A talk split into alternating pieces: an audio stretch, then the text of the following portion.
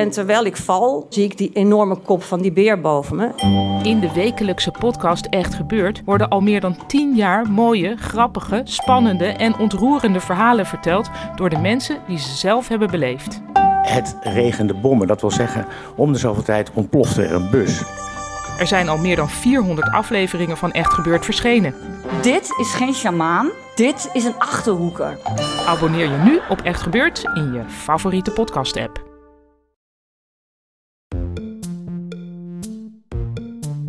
Fijn dat je luistert naar Boeken FM, de literaire podcast van De Groene Amsterdammer en Das Mag. Wil je nooit meer een aflevering van ons missen? Neem dan een abonnement op ons in jouw podcast-app. Zo ben je als eerste op de hoogte als wij weer wat nieuws te vertellen hebben. Wij doen ook vreugdedansjes als we een mooie recensie of gouden sterren van jullie krijgen in jouw podcast-app. En je helpt je medemens omdat wij dan ook beter zichtbaar zijn in hun podcast-apps. Zit je met een vraag of heb je opbouwende kritiek voor ons? Mail dan naar boekenfm.dasmag.nl.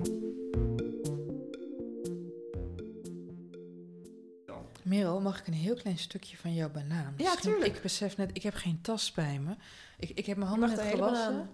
Nee, want, want dan ga ik stuiteren. Want je zou het niet Oké, zeggen. ik heb eh, milde ADHD. Wat gaan we nu nog Surprise. Ik, ik wil het even hebben over... eh, Eerst even nog Nee, een klein intermezzo. gewoon genoeg, want dan eet ik het rest op. Dus pak maar gewoon de helft of zo. Je bent net Sint Maarten, maar dan met een banaan. Eh, Joost, ik wil, ik, ik wil het even... Zo'n maag die op het paard zit en dan met zijn zwaard zo banaan.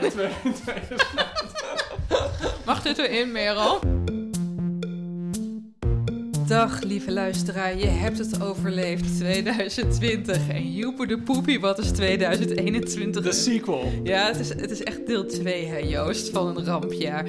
Maar we zijn er nog. We zijn gezond. Joe Biden is beëdigd. Eh, het schijnt dat de Britse variant van het coronavirus prima bestreden kan worden door de vaccins die er nu zijn. Lieke Marsman is de nieuwe dichter des vaderlands, wat ik alleen maar kan toejuichen. En wij, lieve luisteraars, zijn vandaag weliswaar qua boekenkeuze niet zozeer urgenter dan ooit. Maar we gaan het wel hebben over een boek dat heel veel mensen kennen en waar heel veel mensen van houden. En ik denk dat het gewoon even lekker kletsen wordt over een van de grote lievelingsboeken. Even, van, ik ga nog niet zeggen wat het is, dat weet je natuurlijk al lang als je de titel van deze podcast hebt gezien. Toen ik voor het eerst het boek aan iemand cadeau ging doen, toen was ik, ik was student, kocht ik het bij boekhandel Braamstra. En daar zeiden ze toen, toen ik het bij de kassa afreed, van, oh, nou dat is zo'n goed boek. En toen kwam de, cashier- de sta- stagiair erbij, ja, een goed boek. hè. En iemand uit de winkel, ja, goed boek. Vrouw echt een heel goed boek. Ik heb het over The Secret History van Donna Tartt. Verschenen in 1992. Niet waar, Joost? Een klassieker. Een klassieker. Wij hebben het allebei, nou ik heb geteld. Ik heb het vijf keer gelezen, dus vier keer herlezen. Jij? Ja, ik denk ook vier Ja, of vijf keer. Vier ja. of vijf Ja. keer. Ik ken een, een, een eh, vriendin van me, een uitgeefster in Frankrijk, die het elk jaar leest op zomervakantie. Ja, snap Dat ik. is gewoon haar ritueel. De zomervakantie begint Ja. en ze leest het boek. Ik, Ja. ik, sprak, eh, ik sprak Eva Meijer twee weken geleden, ook gewaardeerd schrijfster. En die zei, oh, ik heb het net weer uit. Ik ken zoveel mensen die het niet bij één keer kunnen laten. Nou, vandaag, lieve luisteraars, gaan we erin duiken. Merel, heb jij het gelezen? Nee. Ah, ik ben er ook weer, jongens. Hallo. Ja, hi. Bob ik heb er iets niet gelezen. Ja, Bob zit ergens in een plastic bubbel. omdat hij, omdat hij letterlijk, letterlijk is hij de boy in de bubbel. Omdat hij gewoon eh, omdat hij getest is en nu de testuitslag uh, en, en met getest Op corona, bedoelen- op ja, corona, getest. Ja, Laten heel flauw. Dus die ligt nou in een plastic haha. long. Plastic long. Zijn haar te feunen. Maar eh, wij zijn Zou het niet heel wel. grappig zijn als we nu opeens erachter komen dat Bob helemaal geen rood haar heeft? Dat gewoon die uitgroei nu zichtbaar wordt, omdat niemand naar de Oh, kapper schatje, kan. dat zou ik heel dat erg zou leuk alles, zou vinden. alles veranderen aan hoe ik naar Bob kijk. Dat hij überhaupt geen haar heeft. Dat hij ook zijn wenkbrauwen erop plakt. Maar eigenlijk Ja. kaal is als een Van Eyck vrouw, Oh, weet je wel? Ja, Ja, ja. The Secret History, ja. De Sixth History, Joost. Hoe boek. oud was jij toen je dit Nou, voor het ik eerst was, las? ehm, ik weet nog waar ik, dus daar kan ik het een beetje aan afleiden. Ik was eerste of tweedejaars. Ik had Aan de een- aan de- universiteit. in, in, ja, ik studeerde in Utrecht eh, en ik had een, eh, ik had een kamer in een, een huis met voor de rest alleen maar meisjes. Op een of andere manier vonden zij dat ook heel raar, maar dan kreeg ik gewoon een kamer van de huisbaas. En dat was echt zo'n pijpla, die kamer, heel klein. Welke straat was dit? Dat was de Kerkstraat. In Utrecht. In Utrecht, Oh, ja. Een niet- zijstraatje van de, de Nachtegaalstraat. Oh, wat leuk. Dat is En, best wel een eh, leuke buurt ook. Ja, ja, nee, een hele leuke buurt, ja. En ehm, ik weet nog heel goed, ik, ik zie die kamer ook helemaal voor me. Ik had een, eh, ik had een, een soort van bankje zo neergezet, dat, waarvan ik één, dat had ik gekocht bij die, die rommelhoek bij de Ikea, weet je wel. Waar, en daar miste één kussen. Dus ik, ik was een bankje, maar ik kon er maar met één persoon op zitten. Dat was een soort van grote stoel. En omdat het een hele kleine kamer was, had ik, had ik eh, ook al die tijd gewoon een eenpersoonsbed. En ik weet nog heel goed dat toen een keer een meisje mijn kamer opkwam en die zag dat eenpersoonsbed. En die zei, Joost, als ik dit bed zo zie, heb je volgens mij nooit seks. En toen dacht ik, shit, ik moet nu vlug een tweepersoonsbed. Dus toen heb ik het bankje eruit gegaan. Maar de secret history, Joost. Maar wat ik dus wil zeggen, en daarom is dat bed niet onbelangrijk. Oh. Ik weet gewoon nog dat ik zo goed dat ik in dat bed zat en dat ik aan het lezen was en dat het gewoon twee uur s'nachts was. En dat ik gewoon actief die beslissing nam van, ja oké, ik moet nog 150 pagina's, maar ik ga niet slapen nu. Ik ga gewoon door. Ik vind het heel grappig, Joost, want dit heb jij met meerdere boeken gehad. Want je hebt het ook verteld op die studentenkamer met Harry Potter, het Ja, laatste volgens mij deel. wel inmiddels een ander... Nee, eh, inderdaad. Nee, maar, maar dat- er zijn een paar van die momenten geweest. En bij dit Toen was je ook dronken volgens mij met ja, Harry toen, Potter. toen met Harry Ja. Potter moest ik wachten totdat ik weer nuchter was om Ja. verder te lezen.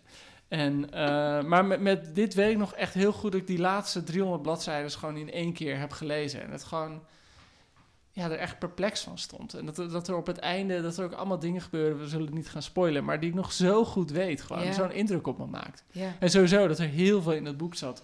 Ik bedoel, het, het gaat natuurlijk ook over het studentenleven. Wel op een veel toffer studentenleven dan je je voorstelt. Ik bedoel, ik zat gewoon keurig op kamers in Utrecht. Dit speelt zich af op een hoogst exclusieve eh, college campus. Het, is, het ziet er prachtig uit. in de bossen en met van die klassieke gebouwen van Vermont. Ja, witte gebouwen. Het is gebaseerd op Babington College. Bennington. Wat? Bennington. Oh ja, Bennington. ja. Hoe kom ik dan bij... Ba- oh, de. Babington plot. Ja, nee, ik, ik, weer zit nu te filmen in mijn Mary Queen of Scots fa- fase. Ja. Nee, maar jongens, google het even op, zie je meteen op TripAdvisor, de mooiste foto's. Het is een plek waar het wel eeuwig herfst lijkt.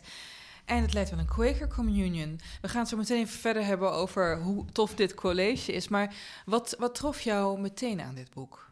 Ja, gewoon allereerst hoe het begint. Weet je, je hebt een ik-persoon die echt gewoon tegen je spreekt. En gewoon, gewoon het eerste dat hij Dat zegt... doen ze, hè? Ja, dat doen ze, ja. Nee, maar gewoon echt zo heel duidelijk. Van mijn naam is dit en dit. En eh, dit is mijn geschiedenis en het is een slechte geschiedenis. Het boek begint... eh, en, en het grappige is dat je dat nu wel vaker ziet in romans. Maar toen was dat echt redelijk uniek. Het begint gewoon met een moord. Het gaat speelt af op een universiteit. En op de eerste twee bladzijden zie je gewoon hoe een groepje studenten... een andere student omringen. En dan weet je gewoon, oké, foute boel. En het gekke is, wat, wat denk ik, waarom het zo lekker leest als je student bent, is dat het gewoon zo'n heel fijn perspectief hebt. Dus je hebt de hoofdpersoon, de verteller, Richard. En die, die is gewoon het, het perfecte perspectief, zoals Harry Potter dat ook is, of Charles Ryder. Op wat voor manier dan? Op, en, en Charles Ryder in Brightside Revisited. Het is een jongen uit California, beetje, nou niet arbeidersklasse, middenklasse. Nou, ja. En die komt eigenlijk met meer geluk dan wijsheid aan de andere kant van het land terecht. Dus het land is helemaal nieuw voor hem. Hij zit daar opeens onder de vol met zitten allemaal rijke kinderen. Dus hij kijkt heel erg op tegen al het geld dat ze hebben. Ehm, hij kijkt op tegen de gebouwen, tegen de natuur. Hij is heel slim. Dat, dat is eigenlijk wat hem op de benen houdt. Eh, maar hij komt echt helemaal, zoals je denk ik, zoals elke student dat denk ik heeft, opeens gewoon in een nieuwe wereld terecht. Ja, En ja. moet voor het eerst gewoon buiten zijn, zijn oude vertrouwde terrein en zijn familie nieuwe contacten leggen. Nou, je begint eigenlijk dan eh, het boek ook met dezel- op dezelfde manier als tegenwoordig vaak een gameverhaal begint. De hoofdpersoon heeft geheugenverlies en gaandeweg ontdek je wat je vechtmoves zijn, hoe het verhaal loopt en wie de mensen zijn die van belang zijn. Maar als ik jou dus begrijp, Joost, jouw persoonlijke geschiedenis met de geheime geschiedenis is er eentje op een zolderkamertje, op een bed Ja, waar vooral ja. werd geleefd in plaats van gesext. En Nou, dat kwam wel goed uiteindelijk hoor. Ja, Joost. Zeg ik nu maar gewoon. voor- Mag dit eruit, Merel? Zullen we dit eruit, zullen we Ja, dit dat is eruit jammer, jammer. Nou goed, mijn, mijn, mijn persoonlijke geschiedenis met de verborgen geschiedenis. Ik was 15. Ik zat net in de vierde. En ik moest een weekend lang met mijn ouders mee. Die waren 10 miljoen jaar getrouwd. Naar Scheveningen. Daar zouden we naar AIDA, de musical, Oh, gaan. En ik had dat boek eh, meegekregen. En ik heb eigenlijk niks, ik heb helemaal niet geparticipeerd. Ik ben gewoon alleen maar dat boek aan het lezen geweest. Dus mijn omstandigheden waren gewoon, ja, mijn moeder is altijd, mijn moeder is best wel krenterig en die luistert deze podcast gelukkig niet van heel Hij goedkoop is gratis, de zee, stil, stil, stil. Vanaf, nee, maar dat, dat, dat maakt niet uit. Zij is krenterig, en waardoor ik dit boek las op een heel erg afgeracht hotelkamertje, die ik met mijn broertje deelde en met mijn zus. En ja, die waren gewoon lekker over stranden aan het Labrador zijn. En ik las dit en ik was helemaal weg. Ook omdat het je, het is zo'n magische leeftijd, die studententijd. Hè? En even is alles nog gelijk. Je bent nog niet verbitterd waar je later echt verbitterd zal zijn. De weg ligt nog open. Ehm, Laten we het eh, hebben over eh, ja, het, het verhaal zelf. Je begon het al een beetje over. Het gaat, het boek opent met een moord, dat weet je, die is, die is gepleegd. Ehm, je weet ja, dus dat zelf dit- gebruikt ze term. Het is geen who did it, maar why, did, it? why did it. Why did it? En we krijgen dus het le- leven mee vanuit de, het perspectief van Richard Papers. Zoals jij inderdaad Ja. al zegt. Een wat armere jongen, maar hij kan een paar dingen heel goed. Namelijk Griekse grammatica en liegen. En wanneer hij eenmaal op dat college komt, verzint hij ook zijn hele jeugd opnieuw. Tussen de Hollywoodsterren. Ja, weet je dat niet meer? Ja, tussen ja, de sinaasappelbomen. En... ehm, op dat college, ja, je moet je voorstellen, lieve luisteraar, het is een soort Zwijnstein. Het spreekt enorm tot de verbeelding. En al die rijke kids, dat is eigenlijk één grote afdeling ja, van hup, Hufflepuffs. En heet het stoned, weet je wel, doen eigenlijk geen fuck. Maar er lopen dus vier, zeg ik dat goed? Vijf zwadderigianen rond. Ja, zo, zo moet je het. Zwadderigianen Ja. met de hersens van een, van een Ravenclawer... en het moreel besef van iemand die nooit op eh, Gryffindor zou belanden. En dat zijn eigenlijk, toen ik het boek opnieuw las... trof het ook mij dat al die vijf personages... dus met wie hij later in zijn eliteklasje Grieks zou komen... met wie hij dus ook die hele secret geschiedenis zal gaan beleven... die staan eigenlijk allemaal een beetje voor een tijdsvlak... uit de Amerikaanse slash westerse geschiedenis. Nemen we bijvoorbeeld het vermoorde personage, Bunny... Bunny. Nou, ja. dat is iemand dat je denkt, je kan er, je kan er een schep Ritalin in stoppen en hij kwaakt nog steeds door. Dat is eigenlijk iemand, een soort, hij gedraagt zich als een soort van, ja, uit de jaren 50, zo'n stoere, jonge, blozende Amerikaanse jongen die even appels gaat plukken. Ja, en die ook de helft van die... That's right, old boy. Ja, that's echt right, old zo, boy. zo overdreven, coquet. Fucking eh, patriarchaal. Staat erop dat vrouwen alles doen achter het aanrecht.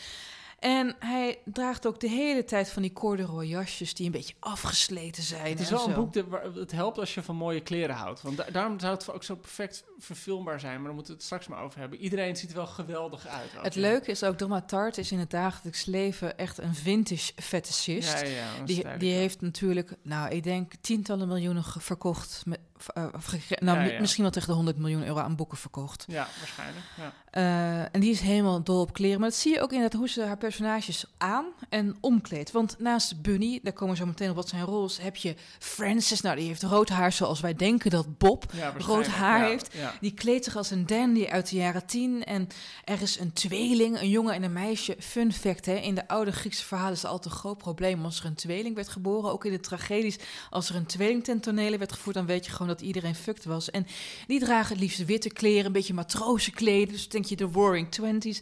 En dan heb je Henry Winter, ja, een beetje qua charisma de Mark Rutte van het stel, die in een soort ja, sombere jaren dertig outfit rondloopt. En Richard, die eigenlijk de meest moderne is van het hele Ja, stel. van een- zo'n jaren tachtig kind. Echt, nou ja, hij zal geboren zijn, want hij is in het boek is uit 92, hij is 20 als het begint, dus hij zal begin jaren 70 zijn geboren. Maar, en dat viel mij ook eigenlijk meteen op toen ik het dus herlas, ze zijn allemaal, hij is volgens mij de één na jongste, volgens mij is, is Francis uiteindelijk de jongste. Ik weet het niet zeker meer. is de oudste in ieder geval. Maar boeit ook niet. Zij zijn eigenlijk allemaal, ze zullen allemaal dus eind jaren 60 geboren zijn. En dus zijn ze lid van de zogenaamde Lost Generation. Of een van de talloze zogenaamde eh, Lost Generation. Het zijn de mensen die net te, te jong zijn om de voordelen van de babyboom-generatie te hebben meegepakt. Die eigenlijk ook met, een, met de zich steeds uitbreidende koude oorlog steeds pessimistischer worden over de maakbaarheid van hun eigen toekomst. En dat zie je ook op die generatie studenten die op het moment dat het boek begint aan het studeren zijn, of nou, beter gezegd aan het drugsgebruiken zijn, op Hampton College. Het is eigenlijk totaal nihilistisch. Nou ja, grappig dat je dat zegt. Want eh, aan de ene kant is het, eh, heb je dus dat beeld van Hampton College. En dat is gewoon eh, het lijkt me goed om deze lijn nu alvast te leggen. Zij zat op Bennington College. Donna Tartt Ja. met Brad Easton Ellis. Brad Easton Ellis Ja. kennen we van Less Than Zero. Over die totale snuivende, feestende, maar vooral heel nihilistisch lege. We kennen hem ook natuurlijk van The Rules of Attraction. Rules over of Attraction gaat ook over En eh, zijn beroemdste boek. American Psycho. Ja. En ehm, aan de ene kant is dat ook wat Richard aantreft. Die treft gewoon een, een universiteitje aan met hele verwende kinderen... die in dure kleren aan het feesten zijn, aan het rondneuken. eh, af en toe lekker snuif hier en daar nemen. Eh, en eigenlijk in dat, dat, dat... En dat is ook wel de wereld waar hij zelf meer bekend mee is... als, als tiener in eh, Californië. Maar daar ontdekt hij dus binnen een, eh, dat groepje wat je net beschreef. En dat is een, groepje dat dus voorkomen ontoenaderbaar is door de andere studenten, omdat zij niet feesten. Zij snuiven niet en zij houden zich redelijk afzijdig van alles. En ze hebben ook maar les van één docent. En daar, daar, daar, dat is natuurlijk het meest elitaire van allemaal. Hè? Je hebt, hoe elitair je wereld er is, er zijn altijd weer deuren door, eh, waar je door kan gaan en een nog elitaire wereld inkomt. En ze krijgen de facto eigenlijk de hele tijd privécollege Ja, van ze, hebben, deze ze zijn steenrijk. Eh, ze krijgen les van een docent, Julian Morel. Ju- eh, Julian Morrow. Morrow. En dat is eigenlijk iemand ja. die staat voor de hele 20ste eeuw. Hij is een soort opportunist, maar vermomd als perkamentus. Hij Ja, lijkt heel veel van je te houden, maar ook toen ik weer voor de zoveelste keer dit personage tot me nam, ik moest denken aan een uitspraak van Verlaine dat beleefdheid gewoon georganiseerde onverschilligheid is. En dat gaat voor hem op. En het leuke is, je ziet dus de hele tijd kom- komen zij in oude krantenknipsels die Julian tegen. Dan zie je een feest waarop hij met Vivian Lee lekker even aan het borrelen is. En op een gegeven moment staat er dit. George Orwell, een opmerkzaam waarnemer van wat er achter de betovering van opgebouwde façades lag, of het nu sociale of andere façades waren, had Julian bij verschillende gelegenheden ontmoet en had hem niet gemogen. Aan een vriend schreef hij: Wie Julian Morrow ontmoet, krijgt de indruk dat hij een buitengewoon sympathiek en hartelijk mens is. Maar wat jij zijn Aziatische sere- sereniteit noemt, is denk ik een masker voor een ijselijke kilheid. Dus dit is iemand die kent de beau monde van de hele wereld. Hij is vanaf het eerste moment bijzonder sympathiek. Hij is een beetje een soort verlegen kabouter, zo wordt hij ook neergezet van hij kletst graag met je. Maar uiteindelijk is hij berekenend en kil. Net zoals de Grieken die ze met z'n allen bestuderen. Ja, want hij geeft dus Griekse talen en eh, hij is niet bereid. Hij geeft dus alleen aan deze vijf kids geeft hij les. en eh, nou, Richard gaat meteen naar hem toe. Die denkt, ja, ik, ik vond klassieke talen ook geweldig. Maar hij gaat er ook want hij gefascineerd is Hij is ook die club. gefascineerd door dat clubje en hij hoort verhalen. Vooral omdat andere docenten tegen hem zeggen, ga alsjeblieft niet daar naartoe. Dat Ga geen. Grieks doen. Wat Weet ga je dan hij- doen? Ja, wat ga je dan doen? Dan ga je Grieks doen. Dus hij gaat er naartoe, krijgt keurig de deur op zijn de, de, Nee. de deur op zijn neus. En dan later, dat is natuurlijk echt zo'n heerlijk moment. Die kinderen, die- dat, dat groepje studenten zit met elkaar te praten. Die kunnen niet op de vervoeging komen van... eh, Heb jij eigenlijk Grieks gehad, Nee, Joost? nee, Oké, nee. nee. ik ook niet. En eh, die, die kids zijn aan het praten over hoe ze iets moeten vervoegen. En dan opeens stapt hij tevoorschijn. Locativus! Ja, volgens mij moet je eventjes... eh, Waarmee hij eigenlijk expelliarmus Ja, zegt. een soort want- van Expelliarmus, ja. Opeens onthult hij zichzelf als een tovenaar. Ah, you're a wizard, Harry. En op dat moment, eh, ja, mag hij erbij horen. En, en valt hij een soort van, denkt hij op dat moment, met zijn neus in de boter. in de, En of in de feta, want het is Ja, of wel met Grieks. zijn neus in de feta, ja, in de, in de, de Griekse geitenkaas.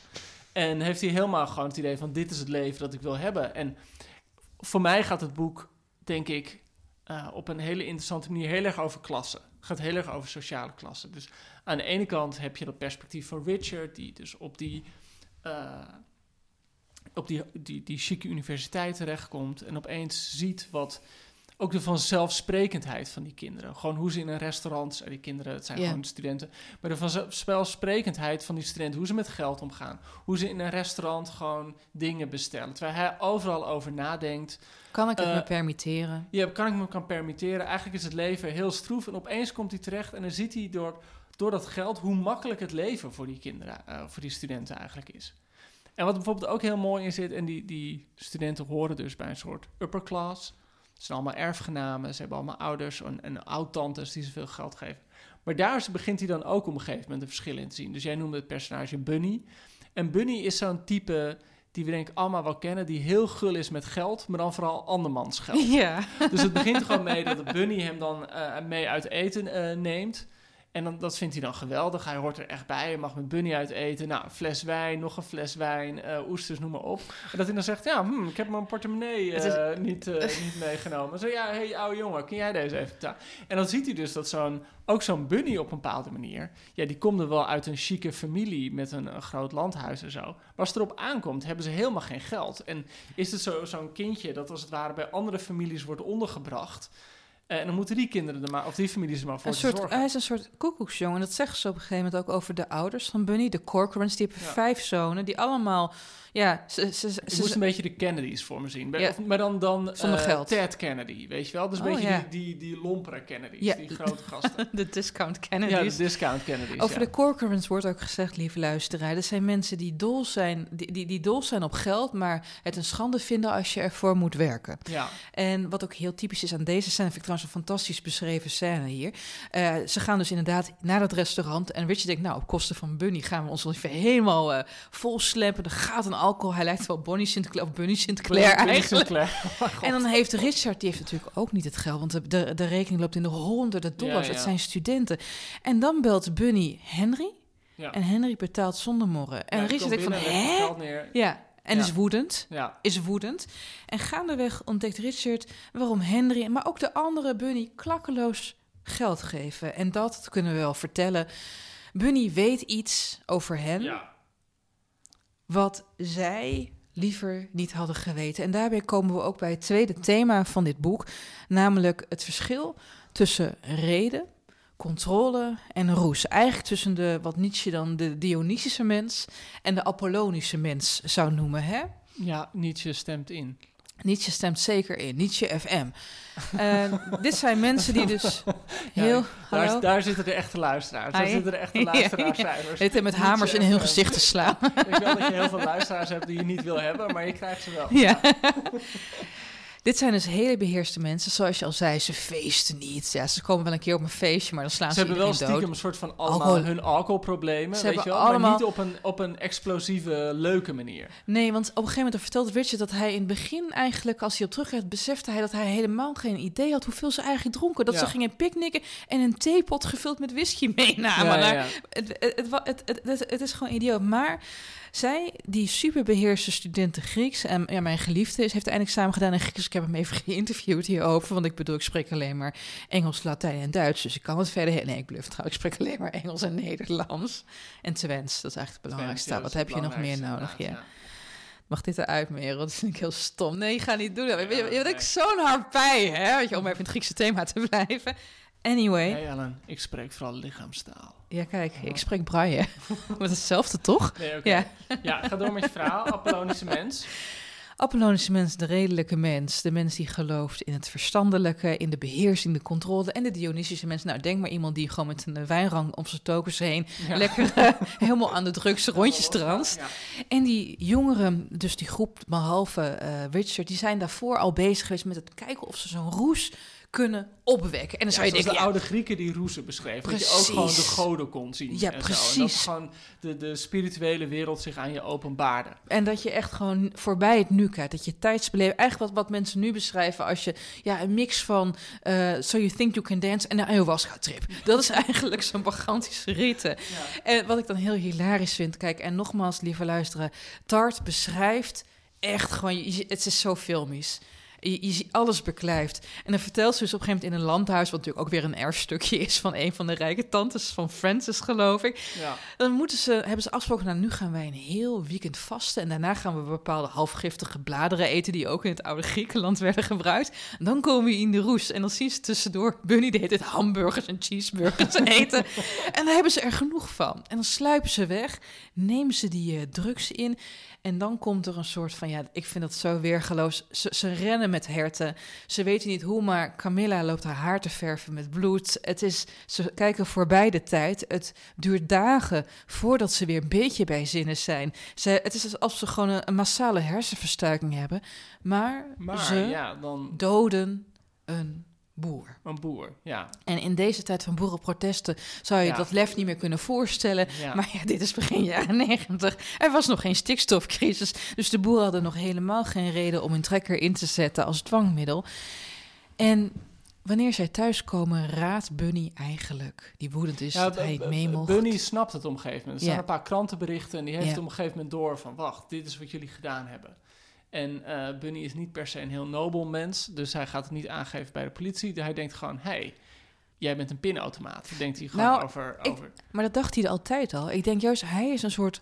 Wat je, Loki, die je hebt de god Loki in de Noorse oudheid... die gewoon, gewoon loopt te kutten om het kutten. Weet je wel, de chaosangst. Dat zijn net... Ik ken ook een meisje, dan telkens als ze weer een goed lopende relatie heeft... dan gaat ze vreemd. Weet je Nou, wel, gewoon om- die om- destructiviteit. Om terug te komen op dat klasse-idee, wat er Ja. denk ik bij Bunny ook in zit. Ik bedoel, Bunny weet zelf ook wel dat hij geen geld heeft. En dat hij daar heel erg Henry voor nodig heeft. En dan krijg je een gekke relatie waarin hij op een gegeven moment een hekel krijgt aan het feit dat hij Henry nodig heeft. Ja. Want hij weet dit nu van Henry, dus hij kijkt neer op Henry. Dus er er ontstaat een heel soort gemene balans in. Ja. En eh, daar komt bij dat Bunny... eh, Oh nee, wacht eens Bunny even. is een, eh, eigenlijk de enige uit het groepje die ook nog met andere studenten omgaat. Ja, en Bunny ontdekte trouwens, die, die connected ook omdat hij stiekem Henry's dagboek. Ja, ja. Dat Hen- Henry leest het in, schrijft in het Latijnse dagboek. Because why shouldn't you? why not? Why Ja. not? En Bunny wordt steeds, die gaat in het openbaar, gaat hij een beetje plagen. Dat gaat hij, een beetje plagen, ja. En ze weten ook bij Bunny van dit is gewoon een, een heel indiscreet persoon. Dus Ja. de kans is heel groot dat hij het gewoon aan zijn vriendin vertelt. Hij is de enige die ook wel omgaat nog met andere studenten. en flink drinkt en, drugs flink gebruikt. En drugs gebruikt. Dus hij is de enige waarvan ze denken, ja, dit is gewoon, in dit complot is hij de zwakste schakel. Ja, en de meest onbetrouwbare. En op een zeker moment biegt hij het helemaal stomdronken Oh op ja, aan op Richard. Aan, aan Richard, ja. En dat is eigenlijk het moment dat, dat voor de rest van de groep duidelijk wordt van shit, dit, dit, gaat, dit is niet houdbaar. Nee, nee, hij was de drempel. Dat zegt Henry op een gegeven moment. Richard confronteert hen ermee en hij is eigenlijk ook wel blij mee. Want opeens is hij in-crowd. Ja, opeens, ja, dat, dat is natuurlijk wat hij al die tijd wilde. Opeens staat hij, hoort hij bij het geheim en heeft hij precies, eh, staat hij op gelijke voet met ze door dit te weten. En ondertussen, en dat, dat moet je ook erbij zeggen, want we vertellen nu het plot zo, zo na, maar inmiddels met die personages speelt ook alles. Aan de ene kant is Richard wel heel erg gefascineerd door Camilla. En Francis, die eh, homoseksueel is, is wel heel erg geïnteresseerd in Richard. En Richard vindt dat ook ergens wel fijn. En eh, dus, dus ondertussen ontstaan er, ja, zie je helemaal die blik op hem. En, en zie je hoe Richard met die, die vrienden omgaat. En wat ik eigenlijk heel fascinerend vond, is dat je. eh, wat, wat voor mij is een eye-opener. Er zaten in het boek voor mij een aantal eye-openers. Ja? Waardoor je weet. eh, Richard is ook maar een personage dat niet alles vertelt. Mhm. ja. Dus hij liegt wordt- heel veel. Maar om, ja, Ja. nee, goed, dat, dat, hij liegt tegen die vrienden, dat is, e- dat is duidelijk, dat weet je als lezer. Maar ook tegen de lezer vertelt hij niet alles. Dus er zijn gewoon een keer een moment dat hij opeens vertelt van ja, en eh, toen zag ik ze voorbij komen en ik stond net bij de supermarkt kook te snuiven van de kofferbak met die en die. En opeens denk je, hè? Maar ja, tegelijkertijd, dat is ook nog een deel van zijn leven. En hij stond te tongen met die en die op een feestje. En opeens snap je van, hé, hey, wacht, er is gewoon... Hij heeft nog veel meer kanten. Hij laat alleen deze ene kant zien. Ja, de wat ik- verborgen ik- kant. Wat ik gewoon met, eh, met Richard ook heel interessant vond. Die had het net over Julian, hè, waarvan je Ja. opmerkte van achter zijn beleefdheid. Beleefdheid is eigenlijk een vorm van, van desinteresse. En, en eigenlijk gaat er een soort van opportunistisch gemene man in schuil. Dat je kent Richard de hele tijd als een. Hij is de ik-persoon, dus die alles vertelt. En dan redelijk aan het einde van het boek, of echt in de tweede helft, komt hij Henry ergens tegen. En dan zegt Henry tegen hem: Weet je, Richard, je bent eigenlijk helemaal geen aardig iemand. Hmm. En dan valt ook het kwartje bij, bij Richard zelf, dat hij dat inderdaad niet is. En het grappige is, kijk, als lezer ga je helemaal met hem mee. Want het is zo'n prachtig verhaal en het is zo'n prachtige setting. En het zijn allemaal hele mooie mensen die er heel mooi uitgekleed bijlopen. eh, die ook nog eens slimme dingen zeggen. Maar, je, maar op een bepaalde manier, die moord accepteer je meteen. En eigenlijk alle morele bezwaren die je kan opmerken, die geeft Richard gewoon meteen op. Want hij denkt alleen maar, ik wil erbij horen. Precies. Ik wil gewoon... Dus eigenlijk is hij, en dat in het begin, in de openingszinnen, zegt hij, of nee, ergens in de tweede helft van het boek zegt hij dat ook wel van. Dat hij er heel lang over heeft nagedaan, eh, over gedaan om, om te bedenken dat hij zelf misschien ook gewoon een slecht mens is. En dat hij niet zomaar toevallig in dit verhaal meegesleurd wordt. Er is op YouTube een enorm aantal video's eh, ge- gewijd aan het boek. Heel veel mensen ook eh, hoe, de- hoe de film eruit zou moeten zien. Daar komen Ja. we zo meteen nog wel even op. En er was eh, eentje die zei, nou dat, dat is ook zo typisch. Hè? Dat boek wordt overal geprezen en geloofd. En één review was negatief. Die heeft dan één like en 4000 dislikes. Ja, ja. En haar bezwaar was: dit zijn niet likable personages. Dat zijn ze ook, maar ze zijn fabulous. Ja, ze zijn fabulous. Je hebt, ze zijn allemaal fysiek super aantrekkelijk. Eh, Je hebt een tweeling die vermoedelijk met elkaar seks heeft. Ja, dat is wel heel grappig. En dat, dat is een van de dingen dat je merkt dat Bunny gewoon steeds gemener wordt naar die groep toe. En dat hij dat op een gegeven moment echt zo zegt van... hé, hey, doen jullie het eigenlijk wel eens met elkaar? Ja. En dat eigenlijk bij Richard, dat hij dan toe moet geven... dat hij dat ook wel eens heeft gedacht. Dus een tweeling die gewoon te close is met elkaar. Ja, ja, ja, de pornofantasie. Trouwens, de tweeling is dus een jongen en een meisje, lieve luisteraars. Dat je niet opeens eh double date eh, met e-mail to Berlin eh, voor je hoofd eh, Ja. hebt. Oh, Hebben wij trouwens-. Ja, de- de- laat- dat? Waarom la- zit dat in godsnaam in jou? Merel, mag ik een vraag? Ja, hallo. Ik wil wel wat aan jullie vragen. Ja. Namelijk, hoe spreken jullie Ted Hughes uit? Oh jee, Ted Huge. Als, zoals Huge, Hoeks het zo liefst hebben. groot. Ja, ik kan, zo kan je het zien, ja. Ik, ik Ja. zou denk ik En, zeggen eh, Ted Hughes. Hughes, ja. Hughes, ja, Want we hebben, we hebben sinds eh, onze podcast... Ja. Ja. Je weet wel, die ene waarin eh, nou ja, het een beetje fout ging aan het einde met de opname en zo. Oeps. Ehm, sorry nog daarvoor. Oepsie. We hebben een mailtje gekregen van Betty. Hoi lieve Boeken FM, dank voor de prachtige podcast. Heb er zojuist heerlijk van genoten. Podcast, moet ik fijn. zeggen. Ja. Een opbouwend puntje van kritiek. Wat? De naam Hughes Ja. wordt steeds op verschillende manieren verkeerd uitgesproken. klopt. er is maar één juiste uitspraak en dat is... Oh. En dan krijgen we hem nu te horen. Ted Hughes. Hughes. Hughes. Dus Hughes. Hughes. Oké, nou dat doen we dus nooit meer verkeerd. Dank je, Nee. Betty. Dat is Ja, leerzaam. Dank. Ze noemt ons wel, eh wel lieverds. Dus ze Oh, is nou, wel, dat eh, zijn we wel blij met ons. Oké, nou, dank je. Ja. Hughes. Dan hebben we een vraag van Catherine. Spreek, spreek je dat goed uit? Ja, Catherine? eh, Catherine? Cat- Catherine? Catherine, C-A-T-H-E-R-I-N-E. Oké. In elk geval. Lieve Ellen, Joost, Bob en Merel. De eerste keer dat jullie vroegen naar de plek waar jullie luisteraars vandaan luisterden, lag ik in bad in een huisje in Drenthe. Waar ik Boeken FM geheel in stijl afwisselde met het uitlezen van The Mirror and the Light. Nu gebeurde dat weer. Zelfde bad, ander boek. En besloot ik jullie toch een bericht te sturen. Als ik thuis ben, zonder bad, luister ik trouwens het liefste terwijl ik de was ophang. De Cromwell-trilogie las ik met dank aan jullie tijdens de eerste lockdown. Fuck, Mary Kill, Jane Boleyn, Fuck, Edward Seymour, Mary, Call Me Rightly, Kill. Ja, logisch. Ja. Ja, logisch? Ja, Oké. ja, ja, ja, ja. Goed gekeurd. Nou, Catherine, daar heb je het. Ook nog een vraag. Nu we niet kunnen reizen, mis ik de tussentijd van het verplaatsen. Daarin kan ik helemaal verdwijnen in het universum van een boek. Ja. Bijvoorbeeld, tijdens een lange nachtelijke treinrit uit Duitsland leer- leerde ik Zadie Smith kennen met White Teeth. Mm. Op het laatste moment gekocht in een stationsboekhandel.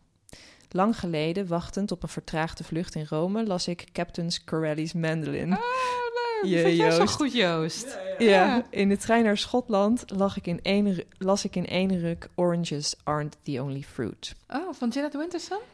Ja, dat denk ik. Ja, ja. Eh, herkennen jullie deze intense leeservaring? En welke boeken lazen jullie in zo'n tussentijd? Of zijn er boeken die dat Oh. gevoel van verplaatsen zelf belichamen? Zelf moest ik denken aan Transit van Rachel Kusk. Ah. Kusk? Kus. Kusk. Ja, denk ik. Zeker. Oh, ja. Waar ik ook door werd weggeblazen. Dank jullie wel voor de heerlijke podcast, Catherine. Dank je wel. Ik heb, eh, wat ik in de vorige podcast ook vertelde, meisjesherinnering van Annie Ernaux in de Thalisse Amsterdam naar Antwerpen in één ruk uitgelezen. Ehm, een paar jaar geleden zat ik in Japan en toen kwam er een taxi maar niet. En toen heb ik in één keer mystiek lichaam van Frans Kellendonk eh, gelezen, waardoor het ook altijd dat universum verbonden is. En toen ik voor de eerste keer in New York was, op mijn achttiende, Anna Karenina. Nice. Yes. Ik weet nog dat ik ehm, eh, voor het eerst in New York was. Oh Joost, wat leuk. Ja, ik was voor het eerst in New York, ja. Ja, wat heerlijk, hè? vele, was- vele keren geweest daarna. Ja, Stad. Ja. Ik kwam als een warme deken omheen. is echt jouw stadje, Echt hè? mijn stad, mijn stadje. Ja. Het is ook gewoon een groot dorp, zeg ik altijd. New. York, een soort groot dorp. En je bek dicht, Joost.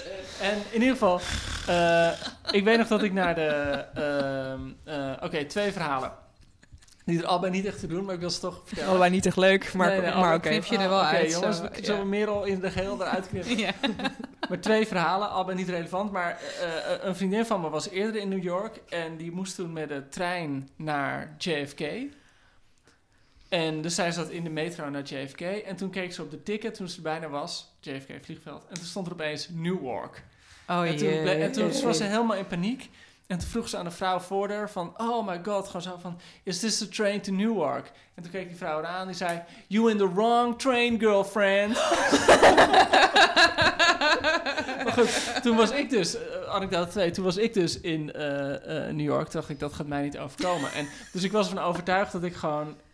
Echt vier uur voordat mijn vlucht vertrok...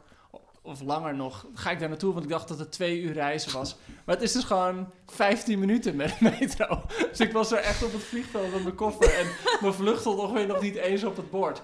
Eh, dus toen heb ik daar een beetje rondgenuist. En toen heb ik daar in de, ehm, eh, in de Hudson's... Ja. naam. Nee, niet Hudson's Bay, maar je hebt Nee. zo'n zo'n boekseller die op alle Amerikaanse vliegvelden Ja. zit. Hudson nog iets. En toen heb ik gekocht Old School van Tobias Wolff. Mm. Dat is een, een, een roman over, het speelt zich af in 1961 of zo. Het gaat over een jongetje op een elitaire jongensschool waar ze allemaal schrijfwedstrijden doen. En elk jaar komt er een grote schrijver langs. En dat jaar gaat Ernest Hemingway langskomen. En de winnaar die het beste verhaal heeft ja, geschreven... verhaal ken ik. Want dat is de zoon die de mail heeft geplagieerd Ja. van Chekhov. Dat is de zoon van Hemingway.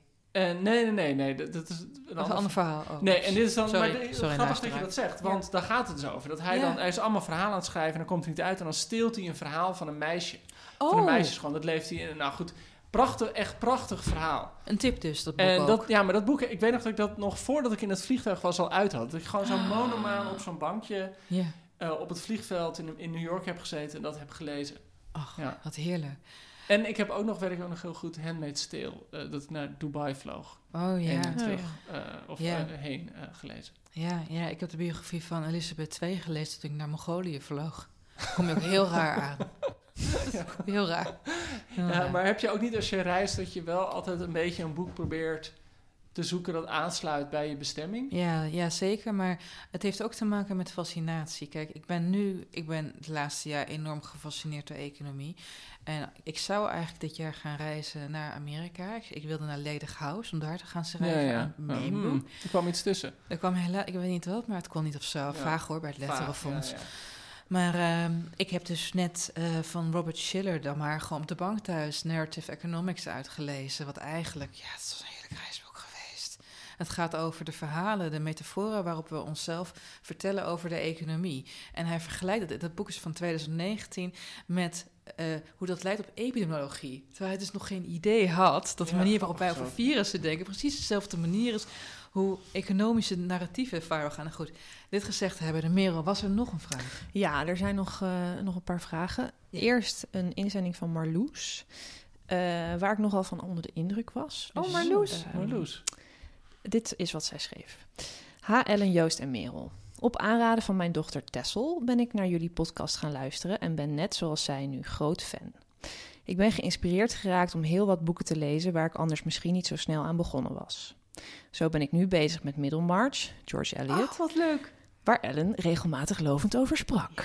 Normaal gesproken luister ik Boek FM tijdens het koken, maar de laatste afleveringen luister ik nu in één keer in de drie weken op de dagbehandeling oncologie in het ziekenhuis in Delft. Ach, Marloes. 15 jaar geleden zat ik op dezelfde afdeling en had gezworen er nooit meer te komen, maar dat is helaas anders gelopen.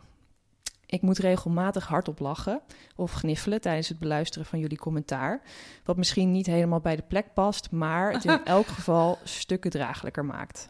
Gaan jullie dus vooral door met in één keer in de drie weken een aflevering produceren en daarna nog vele, vele jaren, want ik heb dochter lief beloofd dat we over 15 jaar nog steeds Boeken FM bespreken.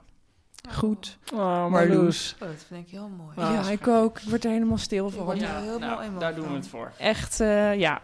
Oh, lieve Marloes. Nou, heel veel beterschap en sterkte. En Ja, heb ik ook jeetje. namens en, ons gestuurd. Ja, naar Marloes ja, en, ja, dan probeer je aan het lachen te krijgen. Dat is ook niet zo moeilijk als je kijkt hoe Joost nou bijloopt met zijn coronakapsel. Er echt niet uit, we missen je. allemaal gewoon een kapper. En, Ja. en mijn pony is gewoon niet onder controle. Mijn pony wil Staat hier gewoon... in Shetland in de die is- kamer? mijn- Ja, mijn- pony is gewoon uit. aan Ja. zwaartekracht onderhevig. En die wil gewoon alleen maar omlaag. Ja, maar En- je, je huid is er ook helemaal aan, Joost. Kijk, Ja, Joost nee, heeft helemaal chemische peeling, zodat Ja, hij een babyhuid nee, heeft. Maar hij ziet eruit als dat napalmuisje uit de Vietnamoorlog. Ja, nee, maar zo voel ik me ook wel vaak hoor. Ik voel me gewoon het meisje, ik voel me de napalm, ik voel me het landschap, ik voel me het vuur, gewoon alles. Die hele oorlog, dat ben ik, dat denk ik vaak. Harry Mulisch zei het over de Tweede Wereldoorlog, maar ik zeg het over het napalmmeisje.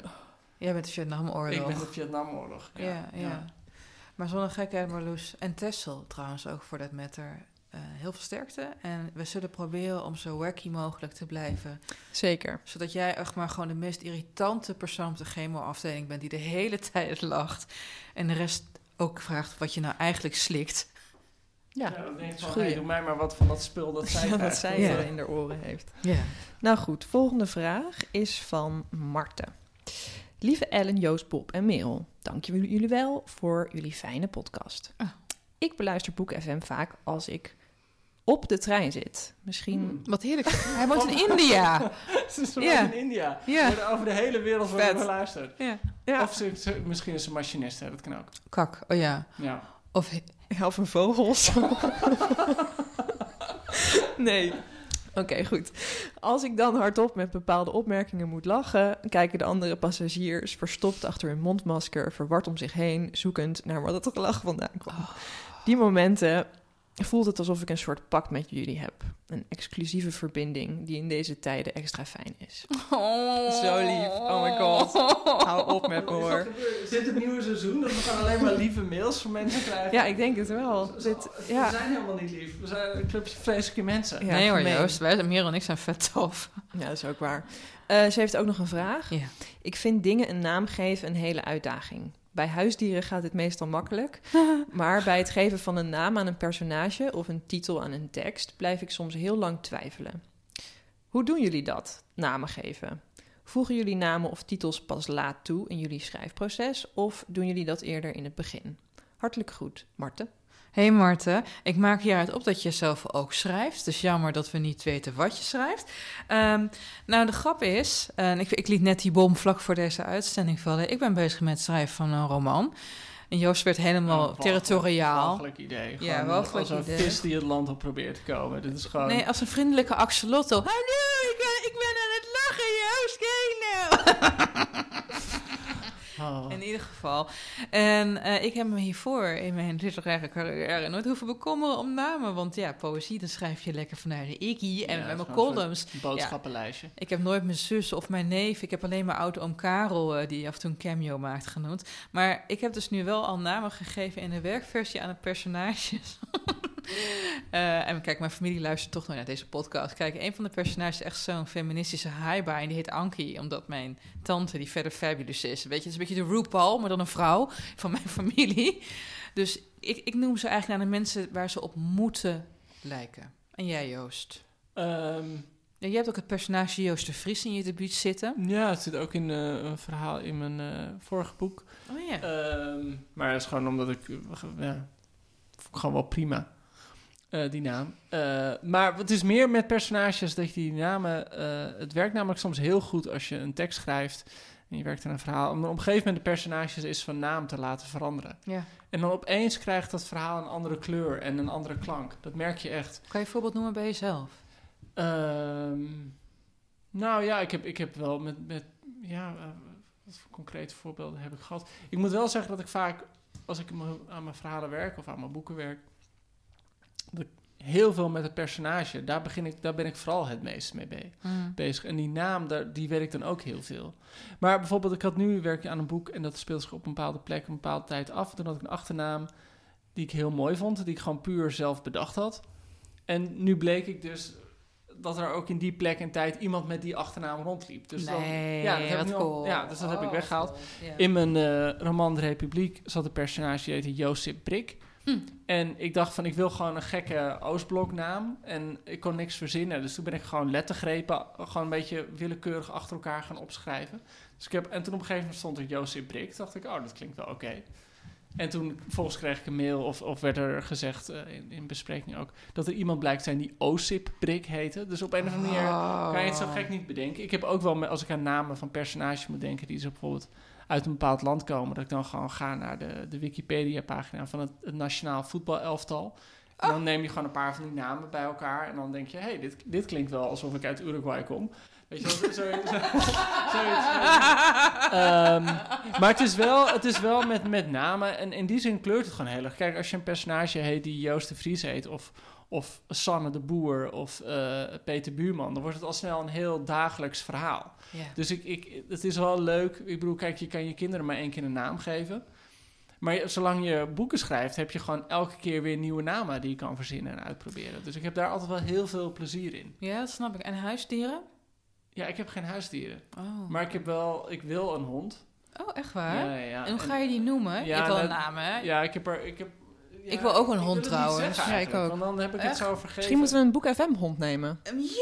Nee, ik wil die hond wel echt van mezelf. Oh. Gewoon. Kijk, zie je wel, maar- je maar- maar helemaal niet aardig. Mijn hondjes zijn, kijk, ik ben, ik ben nog een beetje aan het rondselen. Kijk, ik heb natuurlijk cavia's, hè, dus Ja. die moeten eerst, die kan je niet gelijk met een hond houden. Ehm, maar ik wil mijn hond Blaffy noemen. Blaffy. Nou, zelf zat ik eigenlijk heb ik, zat ik altijd te denken aan dokter Bijtgraag. Dokter Bijt, Dan kan ik zo roepen, dokter, dokter, kom dokter. een kennis van Of mij. gewoon Bobby. Bobby vind ik toch wel de ultieme hondennaam. Bobby, ja. Ja. Een kennis van mij die had zijn kat Actie genoemd. Dan ga ik even actie voeren. Oh, Nee, wauw. En wij hadden mensen die, eh, of mijn ouders hadden vrienden, die hadden twee honden, een man en een vrouw. En die, een mannetje en een vrouwtje. en eh, ja, die honden ik. En die heette meneer en mevrouw Jansen. Die kon ook echt zeggen Ja. meneer. En dan kwam ook meneer. Ja, En, Wat grappig. Ja, mijn Ja. moeder vertelde altijd zo over haar dat verhaal dat er dan iemand in de buurt was die haar kat meneer Jansen had genoemd. Oh. En dan s'avonds dus van het balkon af meneer Jansen schreeuwde, om- zodat hij dan Oh, ja, eten zou krijgen. business time voor meneer Jansen. Ja, je dan. Grappig. En mijn, mijn, twee, mijn, mijn eerste twee kaartjes heten Misdaad en Straf. Oh, wat Vet. goed. Ja, dat is een beetje gejat hoor. Van Deft. Mijn, mijn hoofdpersoon uit mijn eerste boek heette Remt en Bind. Hm? Eh, nee, nee, eh, eh, Neus en Bind. En dat waren de cavia's van een vriendin van me. Ik dacht en eerst heb- Bordewijk. Wat grappig. Ja, nee, maar ja, Ja. zij heeft het misschien een Bordewijk genoemd. Maar Ja, ik heb oh ja. het naar die cavia genoemd. Nou goed, Merel. Merel, Zeg maar. heb je nog meer vragen? Ik heb, eh, weet je nog dat hè? wij, eh, ik heb heel veel vragen, maar die ga ik nu niet stellen.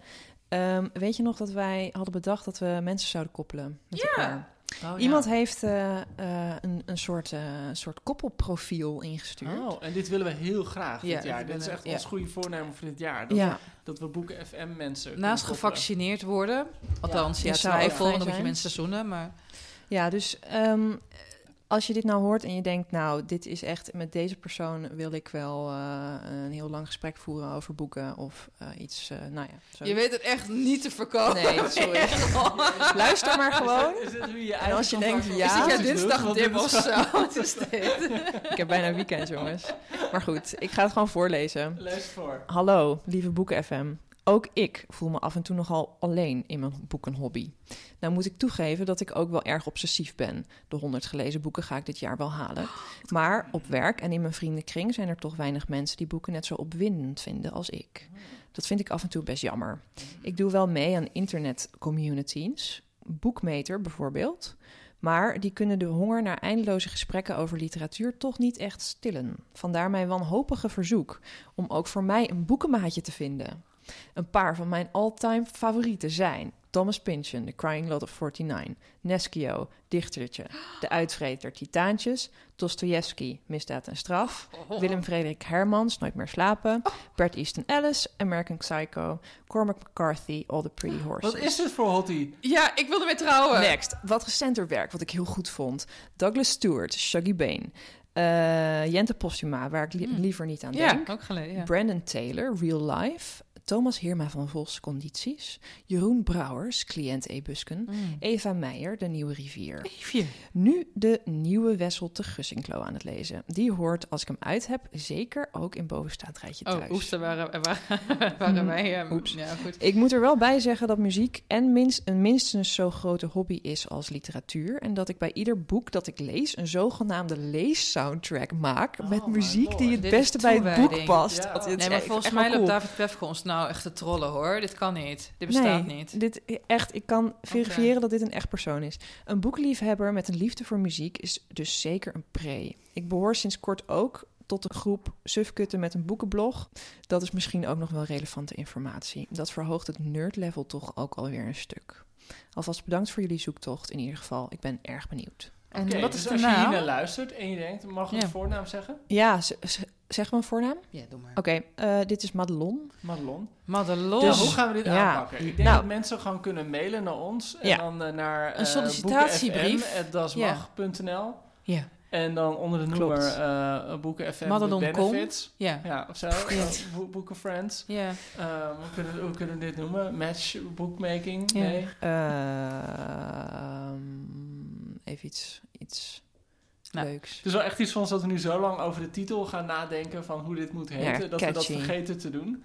Ja. Maar zijn. Madelon, jongens, als je denkt van ik wil met Madelon corresponderen, want Ja, holy dat smoke, wat wil een coole boeken heeft zij genoemd. Ja. Stuur even een sollicitatiebriefje. Wij sturen ze door aan Madelon. Ja, En st- stuur het in voor, want kijk, er zijn mensen die natuurlijk drie jaar te laat.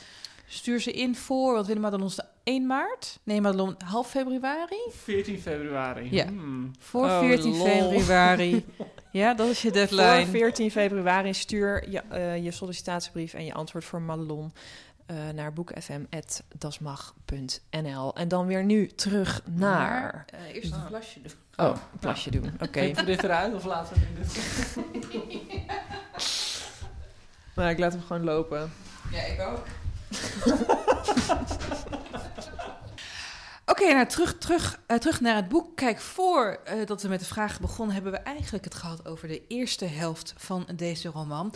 Namelijk, hoe is men zo ver gekomen en waarom om Bunny te vermoorden? En dan ontstaat de tweede helft van de roman, waarin de begrafenis van Bunny plaatsvindt, maar ook een hele vergiftigde dynamiek binnen de overlevenden, over de blijvers, ontstaat. Want zij weten allemaal iets heel belastends van elkaar. Ze zijn samen medeplichtig. Ondertussen is er mega veel stress, want de FBI doet een onderzoek naar deze moord. Ja, oh, dat, ja, dat is natuurlijk een van de fascinerende dingen. Dat, dat gaat denk ik ook weer over klassen. Het speelt zich af Heel op zo'n erg. elite school. Ja. En eh, ze, Bunny wordt vermist.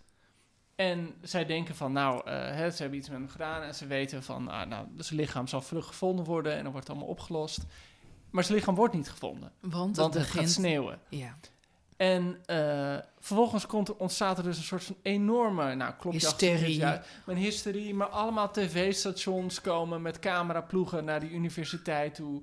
Er worden allemaal vrijwilligers ingezet om eh, door de bossen en de velden en de ravijnen te zoeken naar het lichaam. En het, in plaats ze dachten van we doen iets en dan wordt het snel afgehandeld, wordt het gewoon een slopende eh, zaak waar de FBI helemaal onderzoek naar gaat doen. Ja, omdat, dat is ook belangrijk om te weten, hè, ze besluiten op een zeker moment, een beetje impulsief haast, om Bunny gewoon een ravijn in te duwen. Op een wat regenachtige dag, want ik zei, nou ja, dan lijkt het alsof, die Hij geslipt maakt is. altijd veel wandelingen in zijn eentje. Ja, Kan gewoon kan de beste overkomen. het kan er best overkomen. En dit, voor, dit is geen spoiler, hè? dit Nee. gebeurt letterlijk op de tweede pagina van Ja. het boek.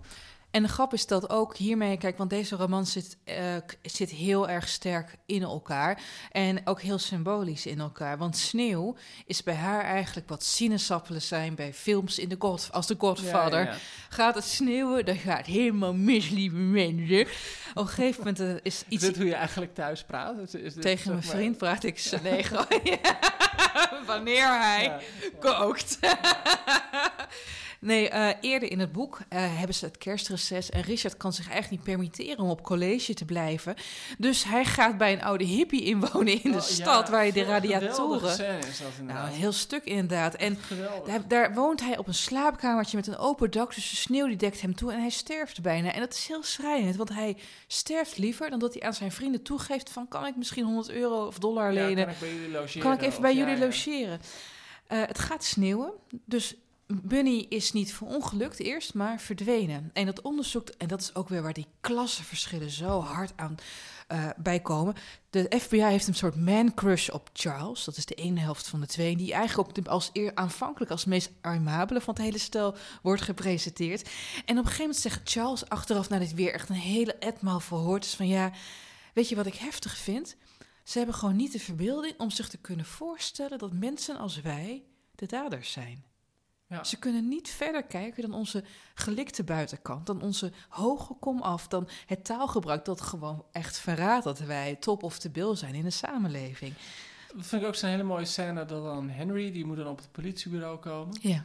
En die is er dan zo heel erg mee bezig van... oké, maar welk boek heb ik dan bij me? Welk boek zal ik dan in mijn, eh, in Ja. mijn eh, binnenzak doen? Of in mijn, in mijn jaszakje? eh, want hij heeft, altijd wel een Grieks boek bij zich. Ja. En dat hij echt denkt van... Hmm, hmm, terwijl, ja, daar gaat het gewoon Ja, niet om. Maar dat is Cicero of toch. Ovidius. Ja, ja, inderdaad. En af en toe moet ik wel zeggen, even kritiekpuntje op dit boek, wat ik 80 keer heb gelezen.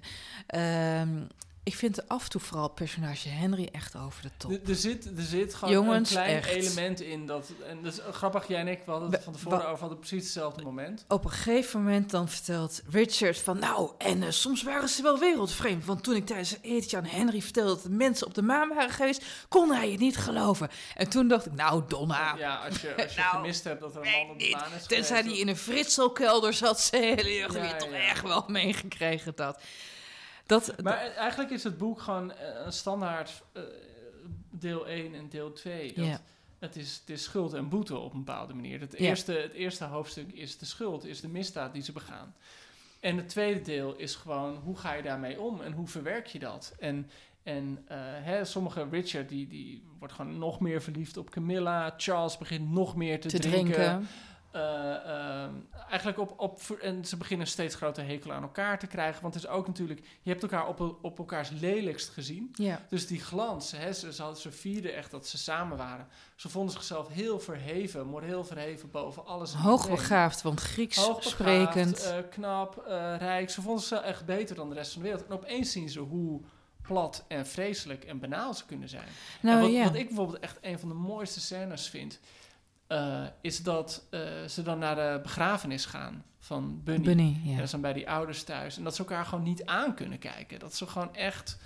ehm, ja, die, die hechte vriendengroep. Dat, dat Richard ook gewoon... Iedereen elkaar begint proberen... Ja, dat beschrijft Donald Hart ook heel mooi. Dat ze elkaar echt beginnen te ontlopen. Ja. En het, het fijne is wel van het boek... Het, het, het is een doorlopend narratief.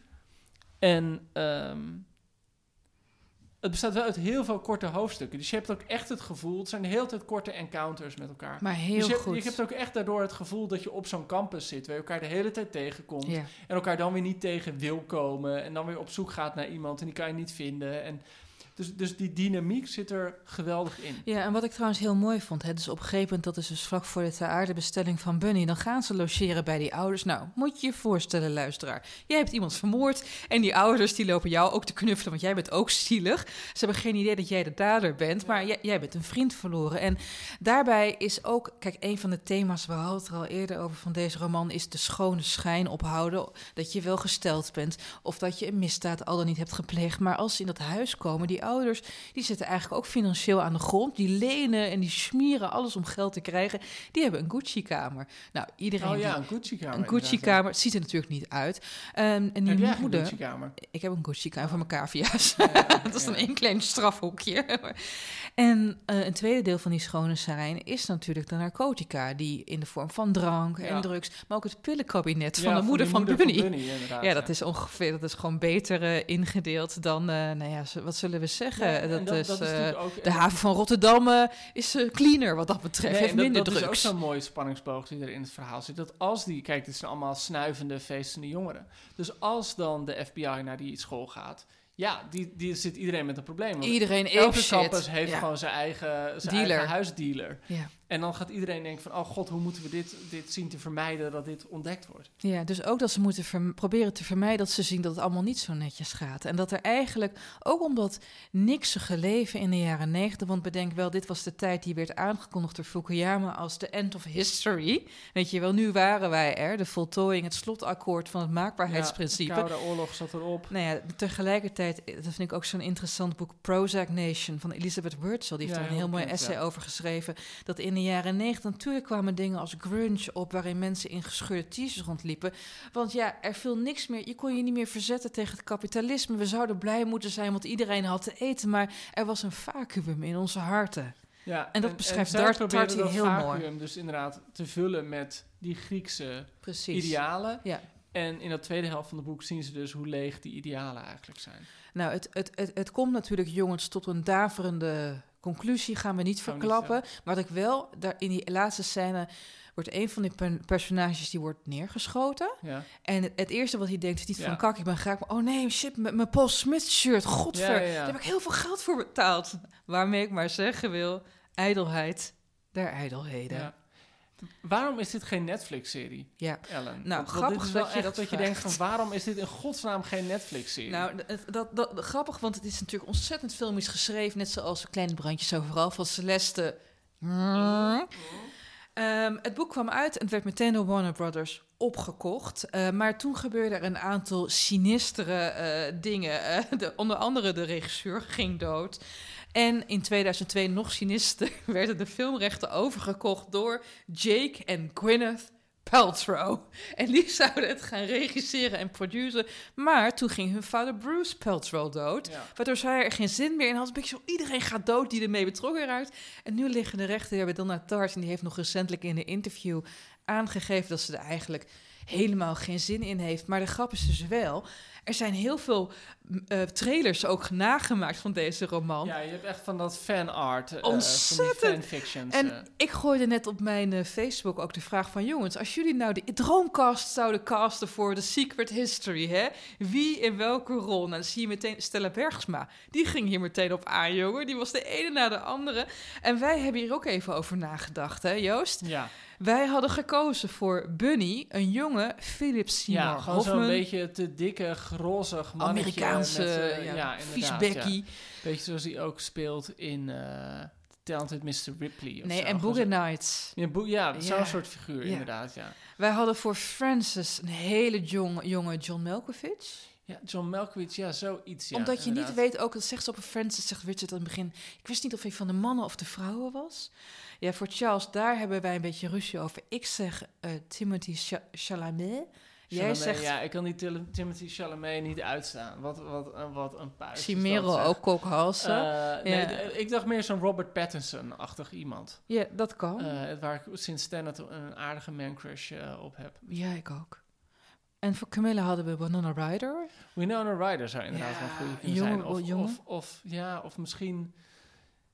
Je, je stelt je toch een soort van muizig meisje voor op een of andere manier. Ja, maar wel, ze moet wel fascinerend en Ja, aantrekkelijk. wel- ja. Nou, eh, Anna Taylor-Joy, die in The Queen's Gambit. ja, maar Nee? nee? dat deed voor mij niet helemaal. Dat Nee. kan, kan Joost, dat is ja, oké. ik zeg het gewoon. Ik zeg gewoon, ik kan alleen maar eerlijk zijn, eh, Ellen. Julian, wie zou je voor Julian kiezen? De leraar.